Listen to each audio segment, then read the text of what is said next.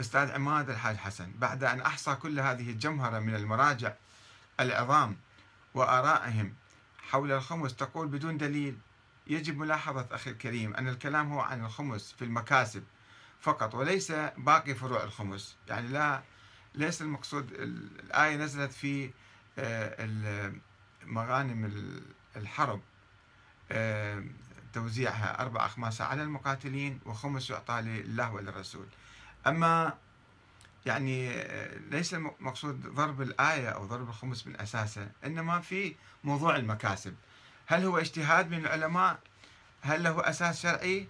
أم لا مجرد يعني رأي. الأخ محمد الهاشمي يقول كلما أدز خمس لمكتب السيد يقصد السيستاني ربما يسألني إذا أكو مستحقين بمنطقتك لا تجيبه هنا.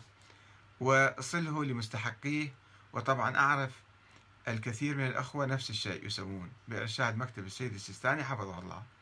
وأنا علقت عليه وقلت نعم صحيح آه، ما تتفضل به. فهذا هو منهج السيد السيستاني حفظه الله في التعامل مع الخمس ولكن ليس كل المراجع يفعلون ذلك. وقديما كان السيد محسن الحكيم أيضا يفتي بعدم وجوب تسليم الخمس للمرجع.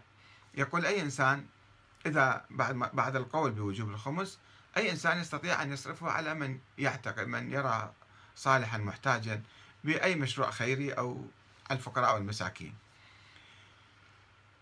الأخ حسنين آه، يعلق أيضا يقول آه، ألا يندرج خمس أرباح المكاسب ضمن الحكم الولائي الذي بدأ فرضه بشكل صريح أيام الإمام الرضا عليه السلام على التجار والموسورين من أتباع أهل البيت. وسار من بعده العلماء بنفس المنهج باعتبار أنهم نواب الإمام في عصر الغيبة. هنا مسألتين أن العلماء هم نواب الإمام هذه مسألة بحد ذاتها تحتاج بحث ونقاش. وليست ثابتة عند الشيعة ولا عند المراجع ولا عند العلماء هي مجرد رأي يقول به بعض الناس. ويمكن منتشر عند عامة الناس أنهم هؤلاء نواب الإمام ولهم قدسية ولهم شرعية دينية ولهم كذا وكذا ولديهم هالة قدسية. فهذا يعني ثقافة شعبية وليست محققة ودقيقة وعلمية يعني. أما أن الإمام الرضا قام بذلك من أي وحي من أي منطلق؟ يعني من منطلق أنه هو كان حاكم بعد ما أصبح وليا العهد. آه، أو لا يعني مجرد آه، يعني استحباب أو آه، نوع من آه، الرأي والاجتهاد في هذا الموضوع.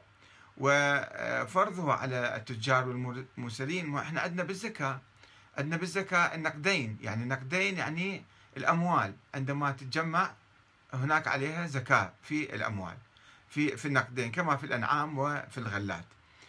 آه، أما أنه نجي نضيف على التجار أو الأغنياء ضريبة جديدة أو حكم جديد فهذا يعني يتعارض مع القرآن الكريم. وإحنا نشك أن الإمام الرضا فعلا فعل ذلك. ما عندنا أدلة قاطعة وقوية مجرد أخبار وظنون وروايات. الأخ حسنين يقول موقف العلامة الحيدري من خمس أرباح المكاسب أيضا يعني يشابه رأيي في هذا الموضوع.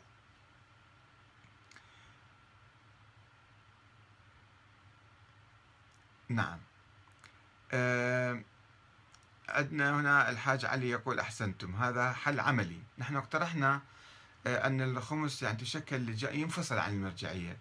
ويتشكل لجان لأن المرجعية المهمة إما آه، مهتمة بالعلم والدراسات والأبحاث وهذه مهمة جدا كبيرة وعظيمة. فلماذا نثقل كاهل المرجعية بقضية الأموال وتوزيع الأموال؟ فنترك الأموال للجان شعبية. من المؤمنين الخيرين في كل مسجد في كل منطقة. يقومون بجمع التبرعات وتوزيعها على المحتاجين.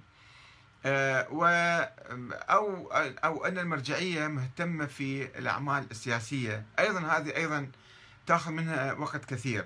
فلماذا نثقل كاهلها ب آه، يعني بتصريف الأموال؟ وبعض المراجع كان يقولون نحن نرفض هذه الحالة أن نكون مثل البنوك. نأخذ أموال ونعطي أموال نأخذ أموال. هذه مو شغلتنا.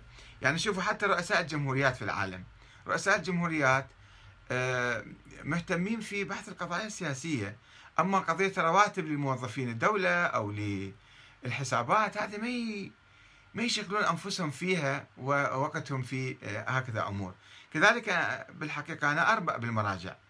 أن يهتموا بالمسائل المالية فليتركوها للناس لكي يشكلوا لجان أو جمعيات خيرية ومحاسبين وهم يخلصوا مسؤوليتهم وذمتهم من الحكي والقيل والقال حول المراجع أن هؤلاء يأخذون الأموال ويكدسوها ويورثوها لأبنائهم وما إلى ذلك. المرجع يكون زاهد ويعني ما يحتاج شيء. هو بيته بالإيجار أساسا ويكفيه خبز ولبن وبصل يأكل. وما يحتاج يعني أموال طائلة حتى يورط نفسه أو يورط حاشيته وأولاده وينصرف عن المسائل والقضايا الكبيرة الأخرى. آه، الأخ سعد غالب يقول نفس المشكلة إذا إحنا أعطينا الأموال إلى الجمعيات أيضا سوف ينتشر فيها الفساد والغش والتلاعب وما إلى ذلك. وأنا أقول له صحيح. آه، طبعا لا تخلو الجمعيات من فساد ومن خطر التلاعب. ولكن آه، كما يحدث في كثير من الجمعيات في العالم. وحتى في دوائر الدولة المقننة والمرتبة والمحاسبات الدقيقة نرى أنه يحدث كثيرا ما تحدث يعني مخالفات.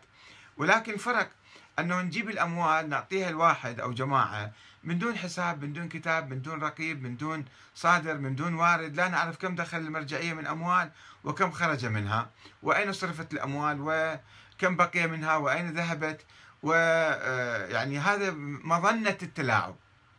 عندما لا تكون هناك محاسبات ومراقبات دقيقة فتكون مظنة التلاعب أكثر مما لو عملنا جمعية.